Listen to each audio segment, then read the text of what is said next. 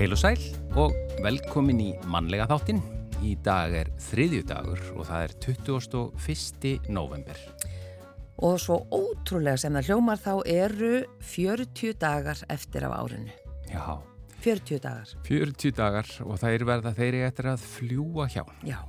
Eh, við förum aftur til ásins 1393 að þessum degi. Bardagi varð á Núpi í Dýrafyrði á milli Björs Einarssonar í Vassfyrði og Þórðar Sigmundssonar á Núpi.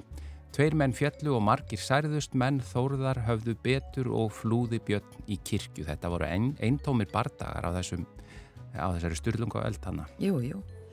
E, fyrsta símaskráin í heiminum e, í New Haven var gefin út e, sem sagt þar af öllum símaskráum 1878 og á þessum degi og hún innihjælt heil 50 nöfn símnótenda.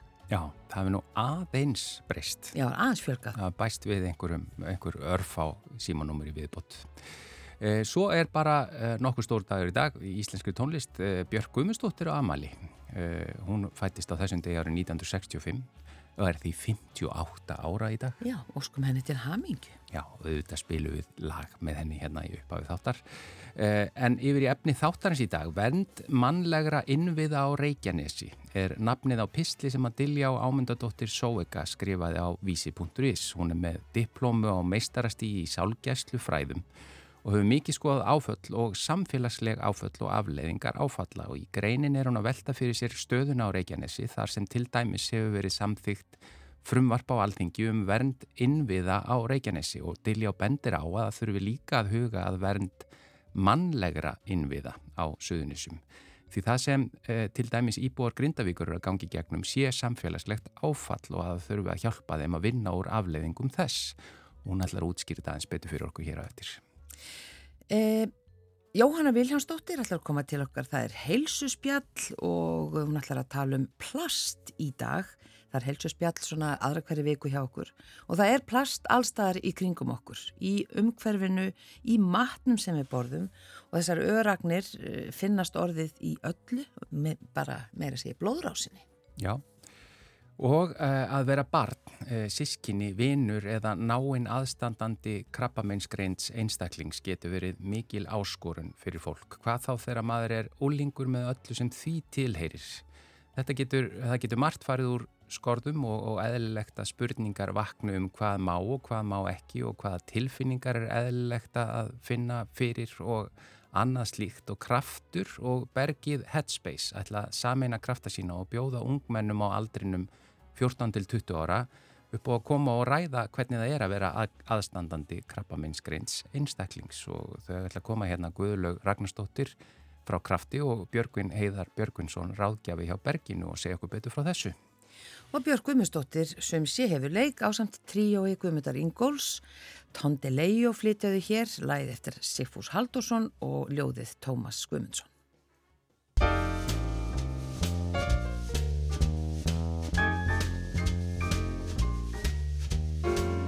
Á söðrænum solskinstegi Ég sá þig og ástinn mín fyrst. Þú settist hjá mér í sandin Það var sungið faðmaðu kyrst Drukkið dansað kyrst Tondilegó, tondilegó Aldrei gleymast mér auðvín svörtu Og aldrei slóu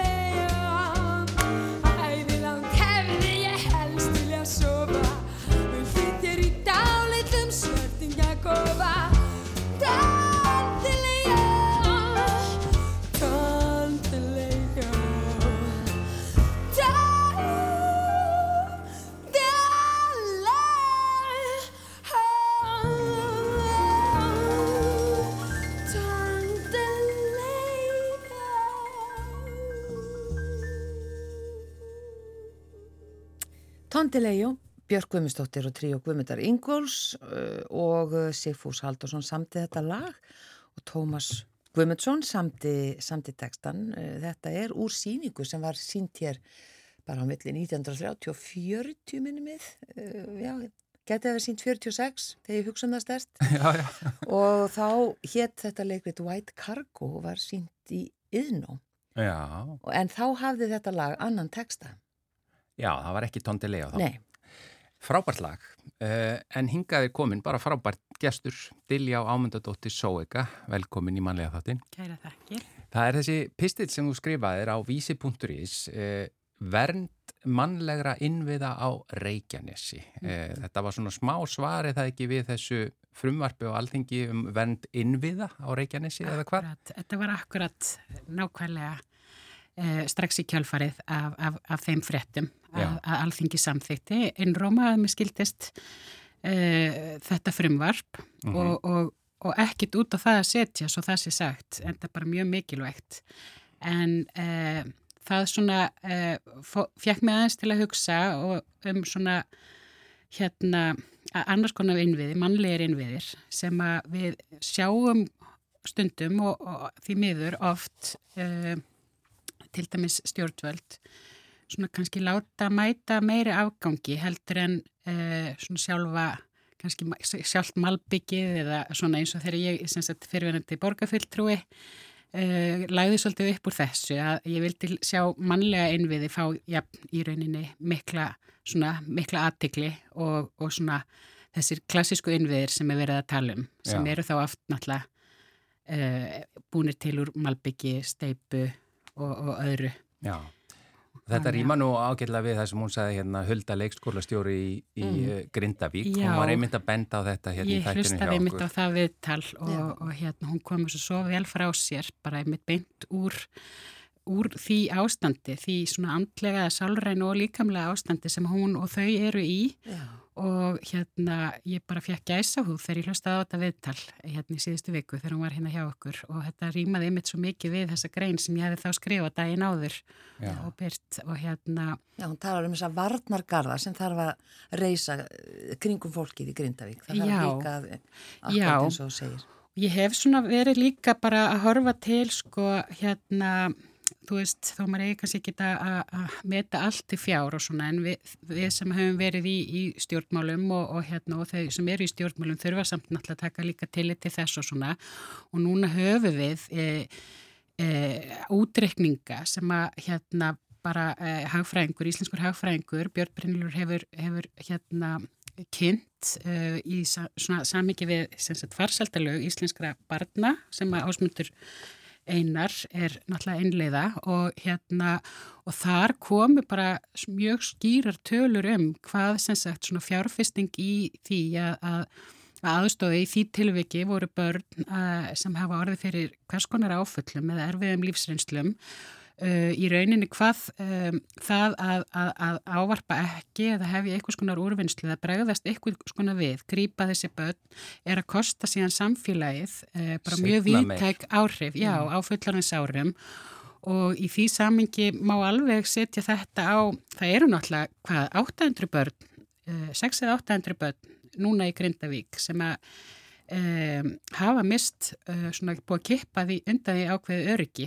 og, og þau búa við ákveði svona spennu ástand bara bæði í uh, umhverfi sínu, í fjölskyttunni sinni og, og nær, ekki einu sinni, það er ekki nærsamfélagi einu sinni til lengur en þetta á líka bara við þau öll þótt að þessar tölur sem ég hef gett svona vísað í sem hafa verið reknaður út heitaldi við þá þegar það er verið að tala um uh, áfall í barnasku að þá getum við alveg sem sagt, bent stjórnveldum uh, á að í þessu megi fjárfesta uh, í samhengi við þessar jarðhræringar og reikinnissi og þá aðalega þegar það er ávið íbúa Grindavíkur að þetta eru að það fara í markvissan svona mjög markvissar aðgerðir það kemur að sálrænum stuðning við þetta fólk Af því þetta er auðvitað áfall. Þetta er rosalega mikið áfall, þetta er mjög áþreifanlegt áfall og þetta er það sem er talað um líka svona kollektiv tráma eða, eða sem sagt e, samfélagslegt áfall og við erum öll að fylgjast með því í rauninni gerast.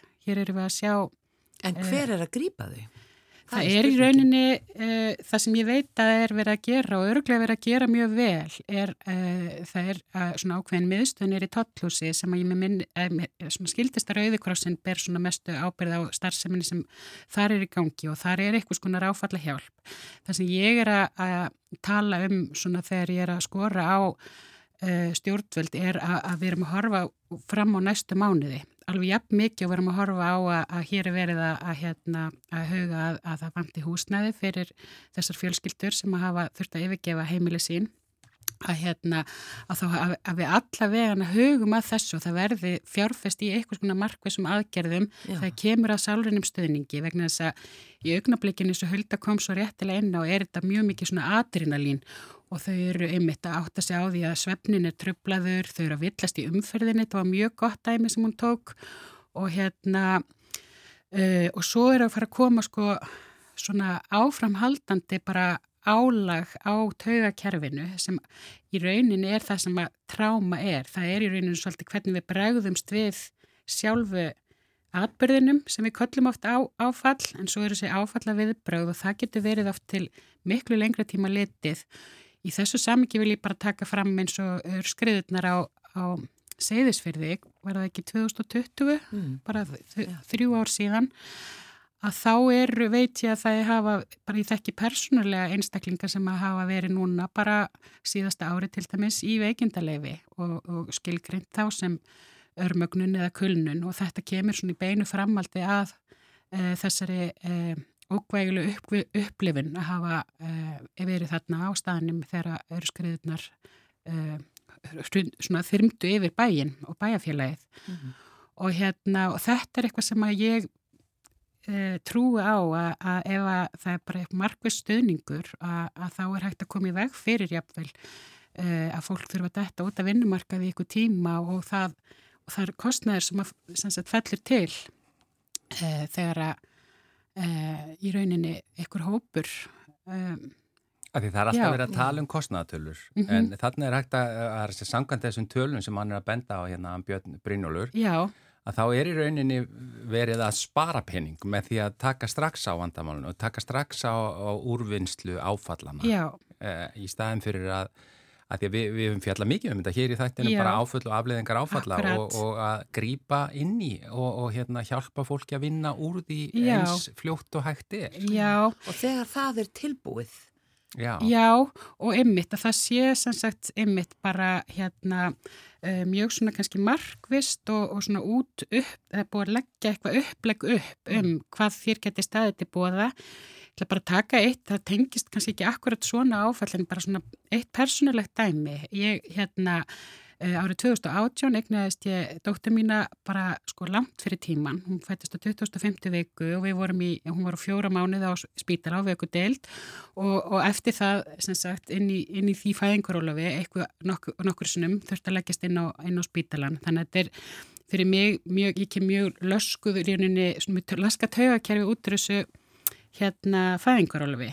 Ég hefði sjálf samband við virk og ég sagði mér langar að komast hérna í fyrirbyggjandi meðferð svo ég dætt ekki út af því það er bara mjög mikla líkur á því að ég verði bara klessi á vegg ef ég bara byrja að vinna núna og láta eins og ekkert sé að því að það er bara allt, það er allt í lægi með stelpuna mína og sem sagt að þá eru bara mjög mikla líkur á því klessi á vegg eftir svona tólmániði. Þú varst bara meðvituð um það já, hvaða afleðingar já, þetta myndi hafa. Já, og var svona ymmit, bara vildi líka láta reyna á þetta að því þarna vissi ég að það myndi spara miklu meiri pening, mm. eða svona ofinbar útgjöld, ef að ég heldi áfram að vinna, en ég fekk þarna, ég fór í, í nokkra mánuði, eh, vikulega, aðra hverja viku, í sálfræði meðferð, eh, í jóka nýtra og í núvitundar hérna námskeið og, og, og fleira og Og ég er allavega ekki ennþá farin í þetta veikindalegi sem að hefði verið mjög líklegt að bara móðir í minni stöðu hefði og þau hafa verið að tala mitt inn á fyrirbura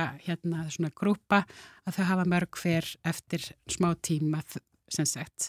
Þetta fannst mér allavega sko líka, ég, þú veist þetta er sami, þetta er ekki sama áfalli eða þetta er ekki sama kannski upplifunin en þetta er allavega að fara í eitthvað svona fyrirbyggjandi aðgerðir til að bregðast við eh, mjög sterklega líkur á að gerist þá í nákominni framtíð mm. eins og að fara í veikindalegi Þannig að kalla í rauninni eftir, eftir bara viðkenningu á því að þetta, að því við vitum það að þetta sem er að gangi yfir núna, þetta er stórst áfall fyrir, fyrir þau sem að, að lenda í því. Já og, og að það sé viðkenninga að það þurfa að vinna úr því. Já, að það geti verið bara emitt, mjög skýrt upplegg akkurat Já. á einhverjum skonar uh, hérna, svona stöðnings uh, aðferðum, eða semst það eru óta leiðir til að fara í gegnum svona uh, stöðning en, en að það sé fjárfest í því á jæmt samót við hérna annars konar innviði mm. að þá eru við allavega emitt að sjá fram á hérna, e, ávinning eða ábata í, í svona hérna á næstu árum mm. þegar kemur að, að, að heilsufari þessa fólks Já. sem þarna er að, að yfirgefa heimili sín og, og bara líka þetta þú veist að hafa hort á í rauninni jörð og opnast fyrir framann þig þetta er, þetta er óeðlilegt við upplifum rosalega mikið högg á öryggis tilfinninguna sem við þurfum að hafa til að geta gengið í gegnum daginn, mm, bara alla daga. Ja. Við þurfum að trista því að heimurinn í kringum okkur virki sem skildi og það er hérna uh, allt sem að uh, heggur í rauninni í það tröst eða, eða öryggi, það er það sem við kallum tráma eða áfall. Akkurat. Þannig að núna þarf einhvern starfshóp eða einhvern til þess að gera áætlu. Stafnum stýrihóp? Já. Nei, enda, já, já. Einmitt. Eitthvað raunhægt. Ég, og ég bara, í, þú veist, ég nota þetta líka því þetta er það sem er að gerast í, í bara í okkar daglega lífi núna en ég vil bara líka skora á stjórnvöld yfir höfuð að setja þetta framar, mannlega innviði, framar í fjárfestingar og, og ákverðanatökur bara heilt yfir. Mm. Diljá Ámyndadóttir Sóega, takk innilega fyrir að koma og við að vekja aðtikli á þessu hér í manlega þættinu. Takk fyrir að bjóða mér.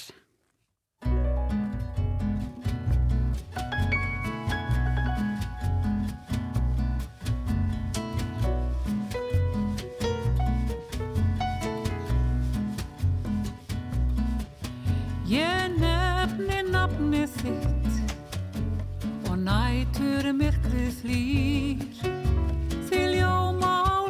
slær. Heliðna æfintýr Ég nefni nafni þitt Og nýja heima sér. Þar grær hið vilt af vín. Þar vakka pálma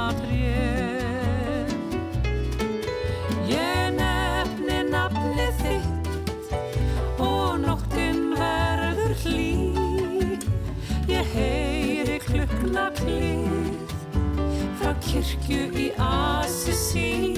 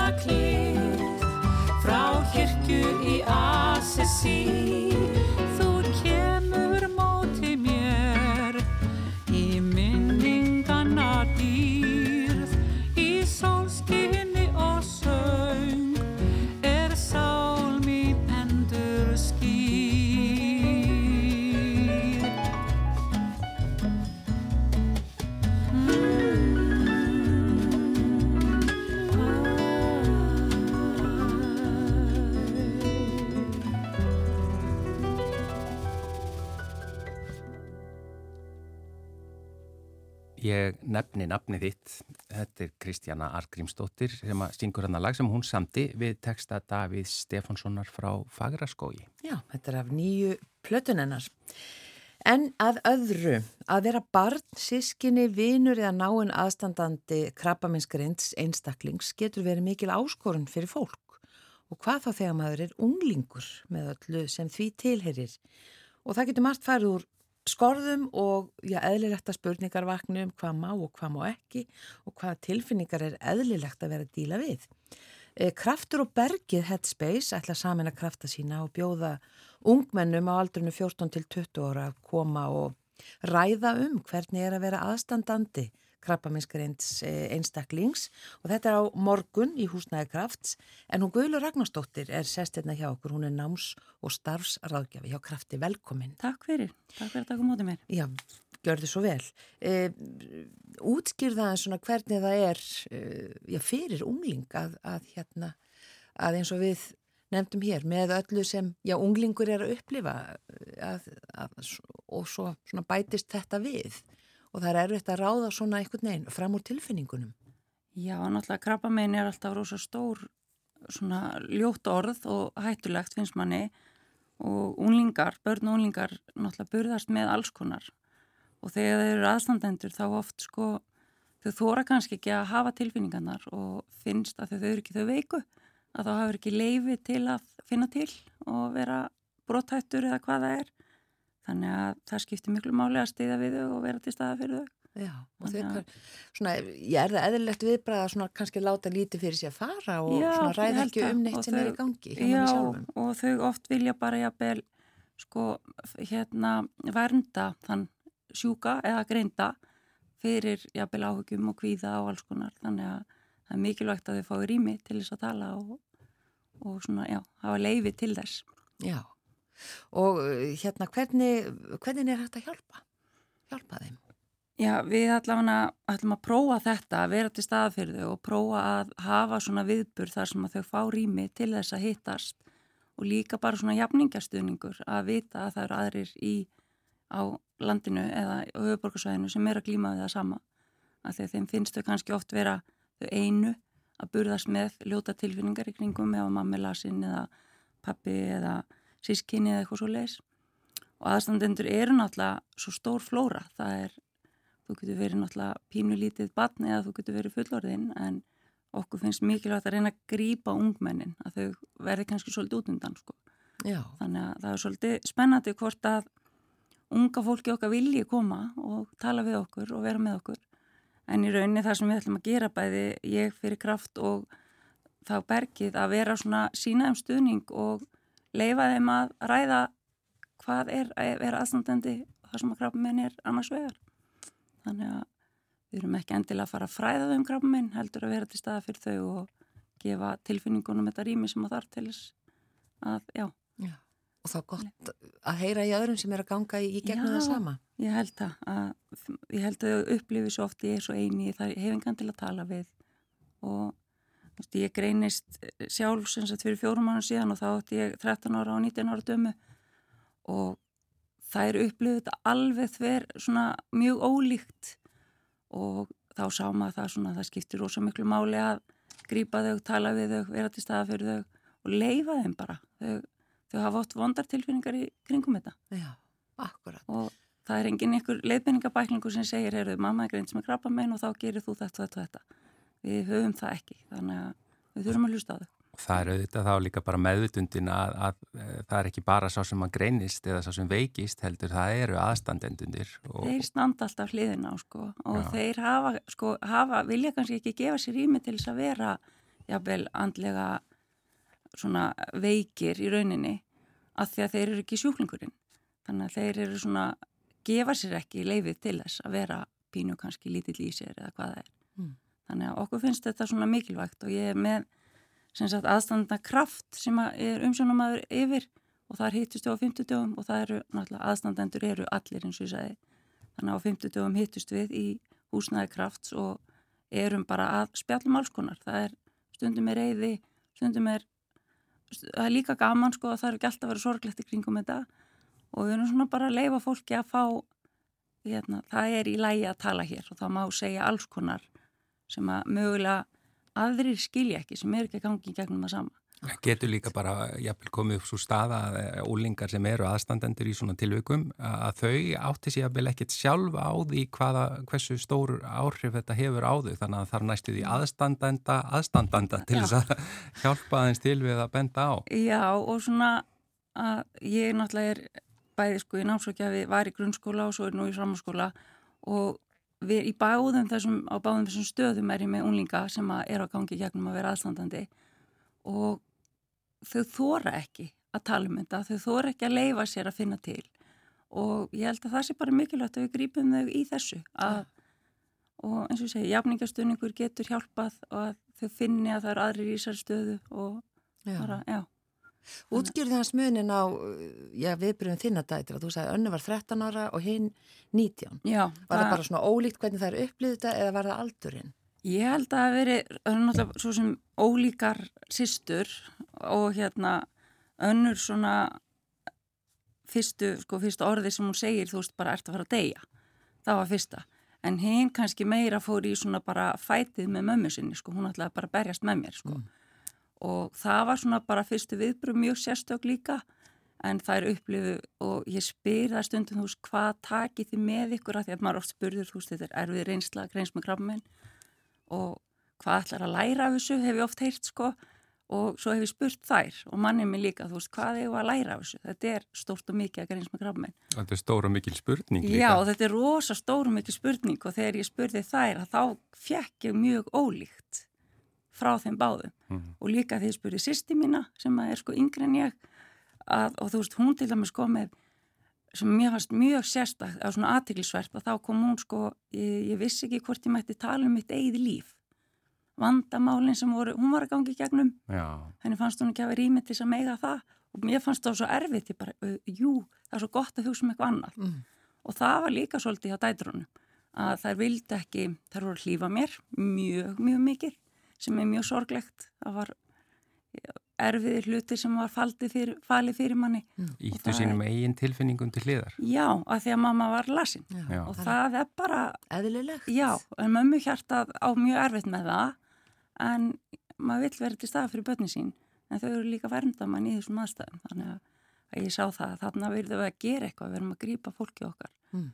og við erum alltaf að tala um að þetta er úræði þannig að við erum svona aðeins að rétt upp fram hendi og reyna að finna smá úræði í þessu Já. þannig að Þá er líka bara ágætt fyrir hlustendur okkar að, að því að úlingarnir kannski gera sér ekki endilega grein fyrir því sjálfi hvaða stöðu eru að við séum meðvituð um það eh, ef við vitum um úlinga í þessari stöðu þessari- aðstandenda Já, að, að, að benda þeim á þetta. leiðbenna þeim í þessu þetta er, kraftur er náttúrulega fyrir ungt fólk en það er líka fyrir aðstandendur Já.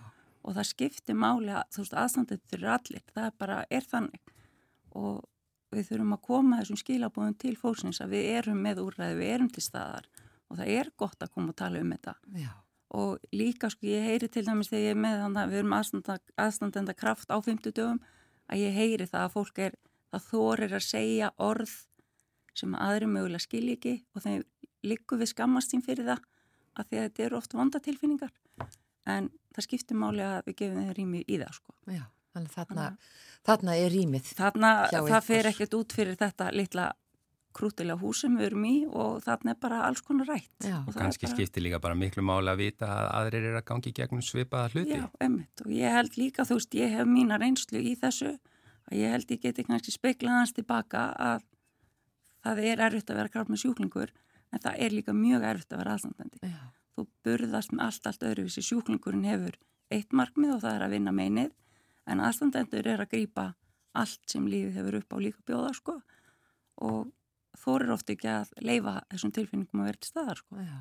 Að, Já, akkurat. Við bendum bara á þennan fund á morgun, miðvikudag e, í ykkar húsnæði skóalíð átta já, og e, þetta verður klukkan hvað?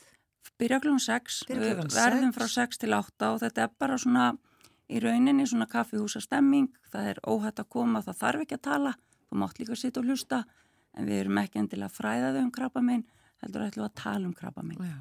Og þetta fyrir ungmenni á aldrunum 14 til 20 ára. Já, Þannig að við segjum bara, bara takk fyrir þetta, Kraftur og Bergið Headspace. Guðlu Ragnarstóttir, náms- og starfsraðgjafi hjá Krafti. kæra þakkir, gaman að koma.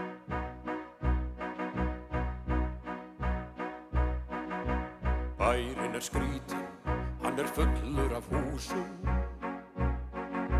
Hús með fram öllum götum í röðum liggja. Aldraðir byggja og ungir menn kaupa lóði Og ætla sér líklega að byggja.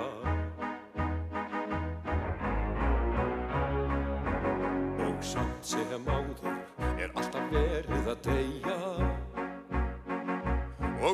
Undarlegt að hendir jafn snauða sem ríka. Menn hvaðu jafnvel deyja frá hálbyggðum húsum. Og hinnur þeir deyja víst líka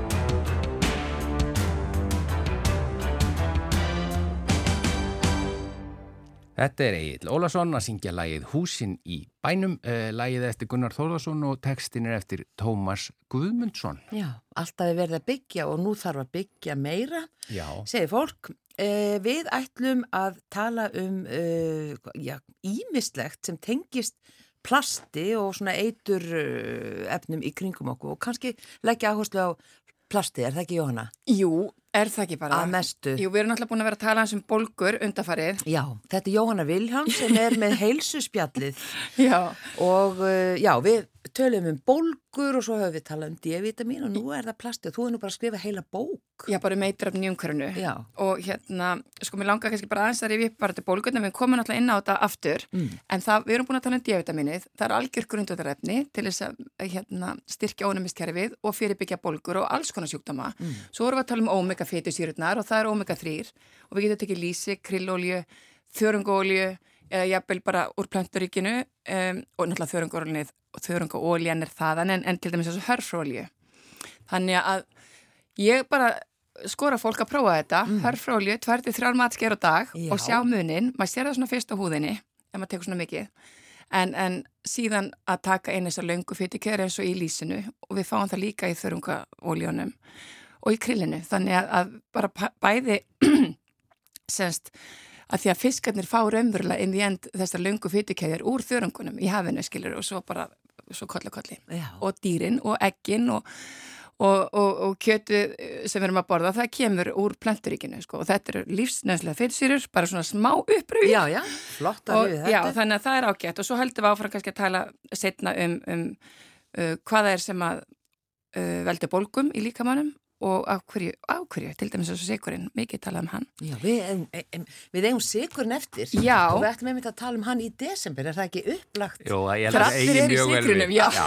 Það er mjög leiðilt að tala um sikurinn í desember, þá viljum við kannski bara aðeins fá að leiða okkur eitthvað. Já, kannski í ja- janúar, við sjáum til. Já, en svo er það plastið og eitröðin í umhverfinu og þetta er auðvitað bara risastór um, málaflokkur af því að þú veist, við syndum raunverulega í eitröðnum alla daga og, og það, þetta er nú kannski, þú veist, afleðingin af bara nútímanum og, og óljan kemur inn í þetta og gerur okkur kleift að fara að framlega plastið og, og, og öll þessi efni, þessi gerfi efni sem eru kringum okkur en, en það hefur komið með sko þessum sko afleðingum að, að Læðst aftan að okkur. Já, læðist aftan á okkur og eins og til dæmis plastvandin og það er raunverulega með ólíkindum að við hefum komið okkur í þetta sem að, þú veist, ástand sem við erum í dag og talandum plastan og risastór plastrástand nefnit hérna í hörpu núna í vikunni. Já. og það er bara mjög áhugavert verið að ræða plastvandan sko í höfunum í kringum okkur, alls konar vísindamenn að koma og mjög fróðlegt á hérna morgun og hinn. En vegna þess að, að, að við séum komin í þá stöðu að það er unnverulega plast í hverjum einasta vastróp í heiminum á segja. Við finnum örplast á dýfstu, dýfstu hafsbótti sem, sem fyrirfinnst. Sko það er bara plast út um allt og það er í okkur líka. Það er í blóðrásinni bara. Já, já, við öndum plasti, það er í loftinu, við drekkum plast, við borðum plast. Þú veist, þetta er svona bara eitt af líka þessu öllu saman vegna þess að svo eru þessi eituröfni í kringum okkur líka vegna þess að það eru mörg hundruð að minnst eitthvað eituröfni í blóði okkar sem er hægt að mæla og mest í fóstrum og unga börnum. Og einn ástæðan er svo að við mæður við detoxum í börnin okkar sko á meðgöngu. Uh, Hva, hvað þýðir að detoxa Já, í? ekki beint að detoxa, þú veist, þau fara bara úr, úr móður í Já, börn. frá móður sko. til barns, já. já.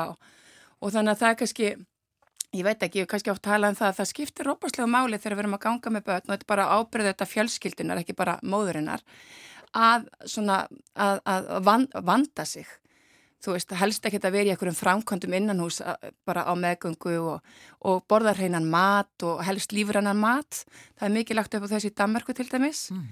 En, en, en það er bara, eins og ég segi, sko, svo erum við að velta fyrir okkur hvernig eigum við, er þetta ekki bara óvinnandi vegur og mörguleiti kannski erum við komin í það stöðu með varandi plastvandan að eins og til dæmis þetta örplast sem að koma er í hafi, við erum ekki að fara að reynsa það upp úr hafinu.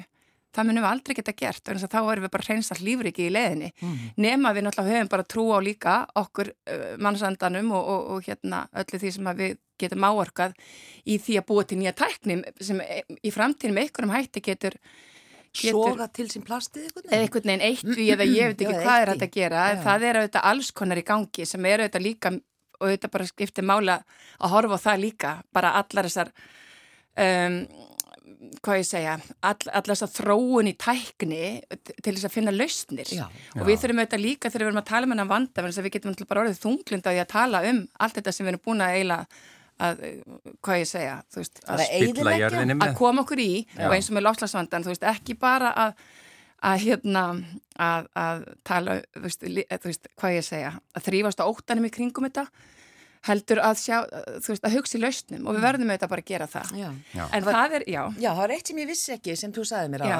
Það er að, bara þegar við drekkum svo margt úr áli Já, að- úr sko, áldósum og öðru. Já, áldósum og Já. öðru að inn í sem sagt áldósinni er það er svona ákveðin húð, Plasthúð. plasthúð já, svona mjög þunn, svona eins og húð mm. og það eru til dæmis hormonaraskandi efni í þessari húð sem að leka út í matvælinn þannig að hérna og við hefum mörg hverjir ta- talað um og þetta er til dæmis eitt af þeim efnum sem eru notið í plast, plastgerð það eru bisfenol bisfenol efni BPA þegar við heyrtum það, þú veist, og það kemur, og stendur oft svona BPA frítt og þá höldum við þetta sé alveg rosalega fínt og gott og ekkert síðan þessu. En þá, náttúrulega bara, sko, var með innar með aðra lausnir að, að fara að nota bara bisfenolefni að svip, svipari gerð sem heitir ekki þá BPA, heldur BPS eða BPF sem eru reynverulega alveg af skali og þetta BPA. En plastið eru þetta alveg rosalega svona áhugavert efni en þetta er óbúslega flókið efni og það er óbúslega mikið efni sem komið við sögplasti og það er dæmis norski vísindamenn búin að vera að gera rannsóknir á plastinu þú veist og hvað, hvað er í plastinu. Og, og þeir tala um þetta sé mjög flókið og þetta er flókin efnakáttill Mm. og þetta er til að mynda sko að þeir, þeir fundið þú út, þeir tóku bara alls konar plastumbúður, að því að við höldum að sund plast í eitthvað örugar en annað en tóku bara allar plastumbúður, að þá eru sko, síndu fram á að annað þúsund efna er í plastinu en þeir gáta hans greint 260 þeirra. Og þeir voru og það sem var kannski skalaðasta plasti sem innihjalt mest af skalum efnum er svo kallið póliúritan fróða og það er til dæmis það sem er í dínunum okkar og kottunum okkar og sófanum, sófanum okkar. Já, Þannig að, að um, Þetta er notað miklu, miklu víðar þar segja plastið en við áttum okkur á. það, er, það er út um allt, það er í fjötunum okkar og partur af þess, til dæmis þessum nanoögnum sem að fara í sjóin koma bara úr plastfjötunum okkar eins og flýsefnum og öru bara í gegnum þvottin. Mm. Þannig að það er alls konar í hjólbörðum, er náttúrulega notað einu sinni voru þetta bara gúmi en nú er þetta mikið plast og það er til dæmis það sem er að finnast í höfunum líka. Þannig að, að, þannig að en það sem við getum kannski, þú veist að því að það er náttúrulega enga meginn bara neytendur sem bera ábyrð á stöðunni sem þetta er, þetta er, þetta er bara stór yðnaðurinn og náttúrulega svo stjórnvöld sko og en það sem að kannski snýrað okkur og það sem við getum gert í þessu um, til þess að kannski að reyna að koma í veg fyrir að, að minka sko þessi efni sem að fara í okkur úr umhverfinu að þá er svona kannski, og það er bara gott að vera svona vakandi vitund. Og það er eins og ég segja líka alltaf, veist, að það er að borða reyna fæðu og reyna að borða eins mikið lífrænt á hægtir, það er munur á lífrænu og ekki lífrænu, en þegar kemur til dæmis að plastinu, þegar við förum út í bú, það er eiginlega allt í plastumbúðum. Og auðvitað eins og talaður um, þú veist að þá er, þá viljum við heldur ekki vera um, að henda mat og þetta er auðvitað verið ákveðin bylting þessar umbúðir upp á það að bara að varveita matvæli. já, já. Það, en, þau endast. Já, þau endast betur og þau já. náttúrulega bara, já, og, þetta, þú veist, og þegar við förum út í búð og núna þegar við erum farin að flokka matin okkar, en ekki matin heldur hérna, ruslið okkar, að þá náttúrulega sjáu þið hvað, hvaða fata fyllist eiginlega einna um, mest Mest, eða já, fljótast, það já. er plastið. Já, mjög flottar. Já, en þá er spurning, hvernig getum við, að því að við viljum heldur, sko, auðvitað væri best að vera án þess að borða mat í plasti og vísindamenn sem eru búin að vera á kafi þessu sko lengi uh, og eru búin að leggja þessa rannsóknir fyrir sig, þeir til að mynda sko ráðleggja okkur að taka matinn úr plastinu þegar við komum heim og setja í gler. Þú Já, að það er ekkit gott síðan að geima hann áfram í Nei, þess að þá fer bara meira af efnanum úr plastinu í matinn. En nú var meiri sér einhver að leggja til en róttakar að bara taka plastið utan að matnum í búðinu og skilja plastið eftir í Já, búðinni. það er hérna, það er bóð upp og það er það ekki fyrir utan krónuna, þá, er svona, þá getur Já. lagt frá þér á eitthvað borð og flokkað allt sem matur þín var í. Já. koma bara með umbúðir, glerumbúðir sjálf. Já, en það þetta Það- það náttúrulega, það er það besta, þannig að kannski er það besta ef þú getur keift í og ég meina maður kynntist í þetta í Þýskaland að maður gæti bara farið út á bóndabæ og það var ekkert í plasti, það var bara allt í svona, svona viðar kössum og maður gæti bara keift, um, þú veist, á þess að það var ekkert í umbúðum sko. Já, þú bara komst með þínar eigin. Já, og í gamla dag þegar við keiftum skýrið og komum með okkar eigin, hérna, eigin, eigin umbúðir. Já, Eh, svo var þetta sett í pappa, Já, svo, mjög mikið. já en svo náttúrulega þarf að vera þessi filmin á pappanum, sko. Jú, jú. En, en, en. Já, en nema eins og ég segi, bara best væri að maður getur bara komið með uh, glerið út í búð og til dæmis í kjötborðið eða í hvað sem er, ég veit ekki hvort það má hérna. Nei, ég veit ekki heldur hvort að það má. Nei, en kannski bara svona til að aðeins að, að, að taka þetta saman hvort okkur er, við viljum ekki eld í plasti og ég, það var aldrei fyndið þegar við vorum svona ábáslega vitundum plast og plastmengun en þá var helsta jólagjöfin súvít og allir bara vildu elda í súvít, plastinu. Já, með plastið einmitt. En, en það er, þú veist, að, að, að, vera meðvitaður um hvað við að kaupa út í búð, getur við einhvern veginn dreifið úr því að kaupa plastumbúðu líka, mm. -hmm. mörguleiti er það kannski ekki hægt, en er kannski einhver leiti hægt. Og síðan er það að, að, um, að geima ekki matvæli í plasti heima eins og við getum Mm. og, og, og, og elda ekki plasti og, og eins og til dæmis sko, mikið með pelana og litlubönnin, þú veist, ekki að hita plastpelan, reyna til dæmis að nota glerpela og, og ef að fólk vil endilega vera með plastpela þá samt ekki hita mjölkin í plastinu sko.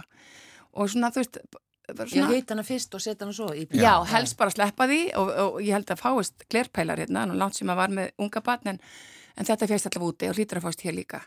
Þannig að það er svona bara, þetta er svo viðfemt og við getum talað, ég veit að tíminn er búin rosalega lengi um þetta, en, en við getum líka bara haldið áfram að gera það. Þetta Já, er- þú ert að fara á þessa plastarástöfnu. Ég ætla að fara á plastrásöfnina, já. Það væri áhugavert að heyra kannski Já. þá bara svona framhalds. Framhaldsplast, algjörlega, já. Ekki En spurning. var, kannski svona vekja fólk til vitandur um þetta. Já. Heldur betur. Já. Jóhanna Viljánsdóttir, takk fyrir að koma í, og við náum aldrei að tæma Nei, alveg, þetta er alltaf svo stór umræðarni. Ég, þetta er nefnilega það, Já, en það er alltaf lægi, við þá bara höldum við áfram. er það ekki? Jú, takk innlega fyrir komuna í þetta skipti. Í heilsuspjallið. Já, gaman að koma.